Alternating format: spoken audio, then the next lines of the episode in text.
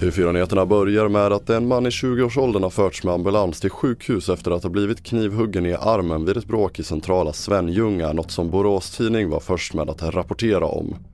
Larmet kom strax före midnatt på lördagskvällen och en kvinna i 40-årsåldern blev även hon utsatt för misshandel men behövde inte uppsöka sjukvård.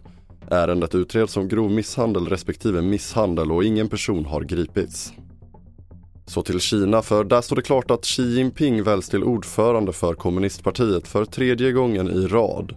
69-årige Xi Jinping har redan varit partiordförande och president i Kina i tio år och omvalet innebär att han nu kommer att styra landet i ytterligare fem år.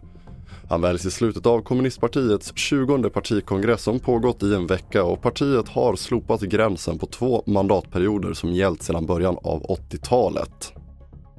Så avslutar vi med att Skansen-akvariet utrymdes igår efter att en kungskobra rymt från sitt terrarium.